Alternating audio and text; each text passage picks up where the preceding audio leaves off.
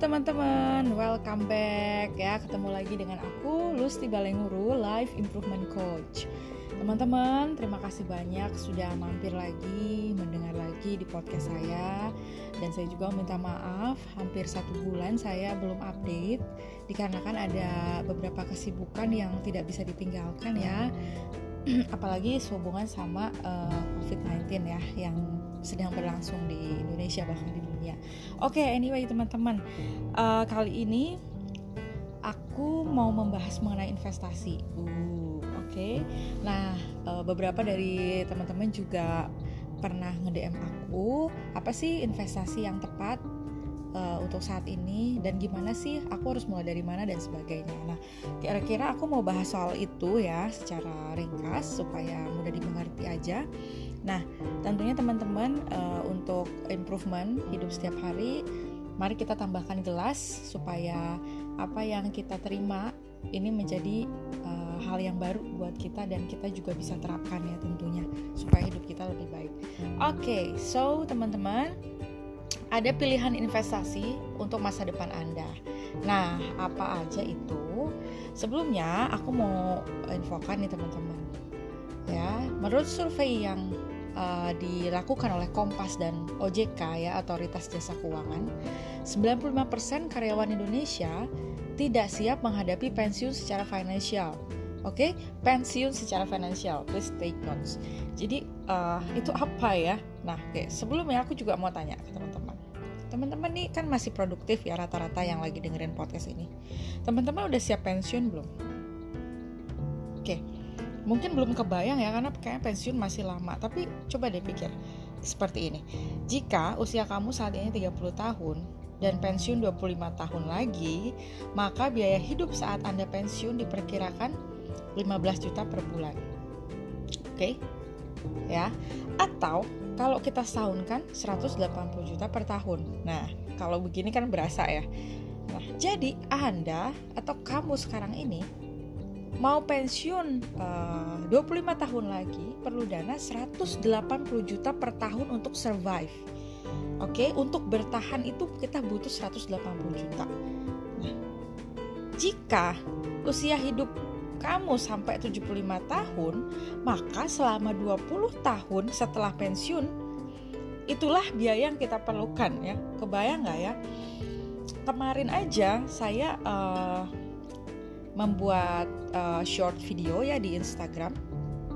Aku ngungkap bahwa uh, 17 tahun dari sekarang biaya kuliah itu ya satu anak di swasta kira-kira mencapai 680-an juta ya. Itu 17 tahun lagi. Itu masih biaya biaya anak. Oke okay? sekolah ya ibaratnya. Nah ini ini untuk kita pensiun gitu ya. Oke? Okay? jadi berapa sih sekarang? Kalau saya nanti pensiun kira-kira 25 tahun lagi gitu ya. Ya kalikan saja 20 tahun kali 180 juta sama dengan 3,6 miliar. Uh, itu angka yang fantastis ya. Jadi ibaratnya kita perlu save 3,6 miliar supaya kita bisa bertahan hidup saat nanti uh, pensiun teman-teman tahu ya artinya pensiun kan kita sudah tidak produktif ya kita udah tidak bekerja lagi gitu ya ibaratnya ya lain cerita kalau teman-teman memiliki bisnis setelah itu nah ini ini anggap saja kita sedang memikirkan pensiun tidak punya pekerjaan oke okay, dan what gitu nah kita butuh 3,6 miliar Nah, untuk persiapan masa depan, maka kita perlu namanya ngelakuin investasi agar tidak merana saat tua. Gitu loh. Jangan sampai muda sengsara, tua merana, mati belum tentu masuk sorga. Nah ini kan agak sedih ya. Nah, jangan sampai lah seperti itu. Kita mau hidup yang lebih baik dong. Makanya teman-teman mau dengar channel aku. So, nah ini prinsip investasi yang perlu kita kenang ya atau ingat gitu. Ingat terus. Ya prinsipnya simpel. Pasti teman-teman juga pernah dengar. High risk, high return, low risk, low return. Oke, aku ulang. High risk, high return, low risk, low return. Oke. Apa sih ini artinya gitu ya kok bahasa Inggris gitu ya. Oke, jadi gini, simple ya. Jika instrumen investasi menjanjikan potensi return atau profit ya, return atau profit, ingat, yang besar maka resikonya juga pasti akan tinggi. Oke? Aku ulang, jika instrumen investasi menjanjikan potensi return yang besar, maka resikonya pasti akan tinggi. Contoh kita ambil misalnya saham. Potensi return besar tapi resiko rugi juga tinggi, ya. Oke, sebaliknya, instrumen investasi dengan potensi return yang rendah, resiko juga relatif rendah, misalnya emas, potensi return tidak begitu tinggi, maka risikonya juga rendah. Oke, nah teman-teman, kalau ada yang nawarin produk investasi dengan janji return yang tinggi, namun resikonya zero, nah maka kemungkinan besar investasi ini bodong. So teman-teman jangan langsung percaya ya, teman-teman bisa uh, cari dulu uh, knowledge tentang itu, kemudian tanya teman-teman yang mungkin uh, di bidang keuangan dan mengerti soal seperti ini ya, pernah pengalaman. Jangan langsung teman-teman percaya ya. Uh, saya juga mau cerita saya juga pernah uh, mengalami gagal investasi dan dari situlah saya belajar bahwa saya harus melek keuangan dari saat itu gitu ya. Uh, saya dijanjikan return yang tinggi namun resikonya itu uh, kayak sama sekali nggak ada gitu hanya berapa persen gitu. Dan dan benar langsung uh, bodong gitu dan saya rugi beberapa uh, nilai lah ya. Nah dari situlah saya mau uh, mempelajari banyak mengenai dunia keuangan ya supaya apa yang saya alami tidak uh, teman-teman alami juga gitu loh. Ya oke. Nah lanjut kita back to topic oke uh, so prinsip investasi itu jangan taruh semua telur dalam satu keranjang yang sama. Ya ini ini uh, apa namanya quotes ya. Ya don't put your eggs into one basket. Ya artinya apa? Kalau misalnya keranjang itu jatuh ya pecah semua telurnya gitu kan ya. Maka uh, prinsip investasi ini seperti itu. Jangan taruh semua telur investasimu dalam satu tipe keranjang yang sama. Artinya artinya apa? Kita perlu diversifikasi ya. Dana kita perlu diinvestasikan dalam berbagai instrumen investasi misalnya properti emas reksadana saham dan lain-lain. Misalnya komposisi investasi anda ini dialokasikan ke properti 50% gitu ya.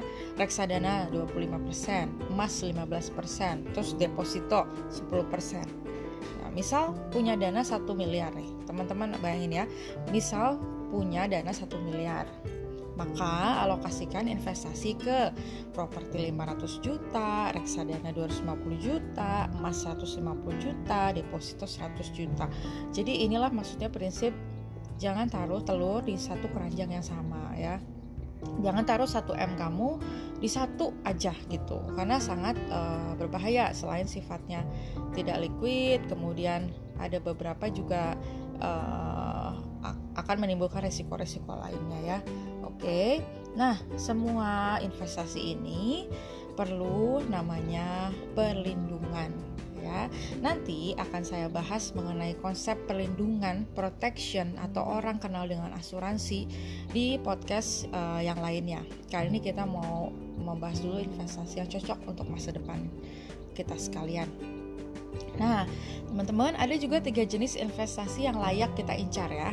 Oke, yang pertama itu reksadana. Kenapa reksadana?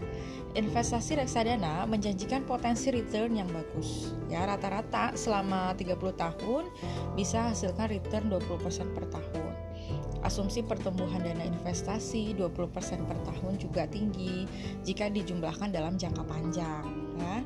Contohnya gini, jika teman-teman invest 20 juta pada usia 30 tahun, dia tiap tahun terus tumbuh 20%, maka saat usia Anda 60 tahun, sorry, dana itu akan jadi 2,37300 miliar ya. Kalau nggak percaya coba teman-teman hitung sendiri aja. So, investasi reksadana ya atau ada pilihannya juga reksadana syariah hanya butuh modal awal minimal ya. Bahkan uh, banyak sekali sekarang instrumen keuangan yang hanya uh, dengan 100.000 kita sudah bisa belinya ya bisa dibeli kok gampang banget ya. Sekarang aplikasi banyak kemudian uh, di bank-bank juga bisa. Teman-teman bisa tanya ke CS, BCA, Bank Mandiri dan bank-bank lainnya. Terus pilihan produk reksadana dengan kinerja yang bagus itu uh, uh, ada namanya Schroeder dan investasi karena naik 47 kali selama 20 tahun terakhir. Kemudian ada Penin dana maksima naik 85 kali selama 20 tahun terakhir. Oke, sekali lagi teman-teman ini hanya menjadi sebuah informasi, pilihan tetap di tangan teman-teman ya.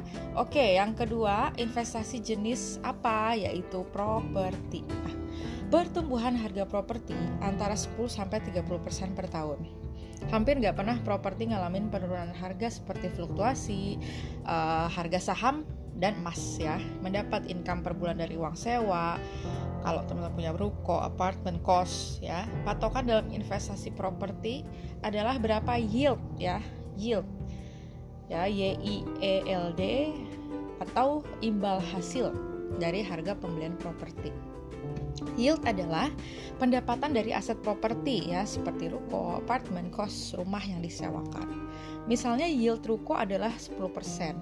Ini artinya jika ruko disewakan maka harga sewa akan berkisar 10% per tahun dari harga beli ruko. Misal harga ruko 1M, maka pendapatan sewa adalah 10 persennya 100 juta per tahun gitu ya. Contoh lain misalnya yield apartemen adalah 7 persen. Ini artinya jika apartemen disewakan maka harga sewa akan berkisar 7 persen per tahun dari harga beli misalnya harga apartemen 1M maka pendapatan sewa 7 persennya atau 70 juta per tahun Oke, nah ini aku mau bacain teman-teman data yield atau return sewa yang bisa dijadikan patokan. Makin tinggi berarti makin bagus ya. Ruko antara 9 sampai 10% dari harga jual unit. Apartemen 7 sampai 10%. Rumah sewa 3 sampai 5% dan rumah kos atau kos-kosan 5 sampai 7%. Oke. Dan yang ketiga adalah jenis investasi emas ya emas sebenarnya bukan instrumen investasi yang ter, uh, yang bagus ya karena return tidak begitu tinggi teman-teman. Jadi dalam 20 tahun terakhir pertumbuhan kenaikan harga emas hanya 10 kali. Bandingkan dengan reksadana panin yang tadi naik 85 kali ya dalam periode yang sama. Terus kenaikan properti dalam periode yang sama juga sekitar 25 kali. So teman-teman, investasi emas lebih pas diperlakukan sebagai perlindungan aset ya. Saat rupiah bergejolak dan nilainya terus menurun, emas bisa jadi pilihan alternatif yang bagus untuk menjaga nilai aset Anda agar tidak menurun nilainya. Oke.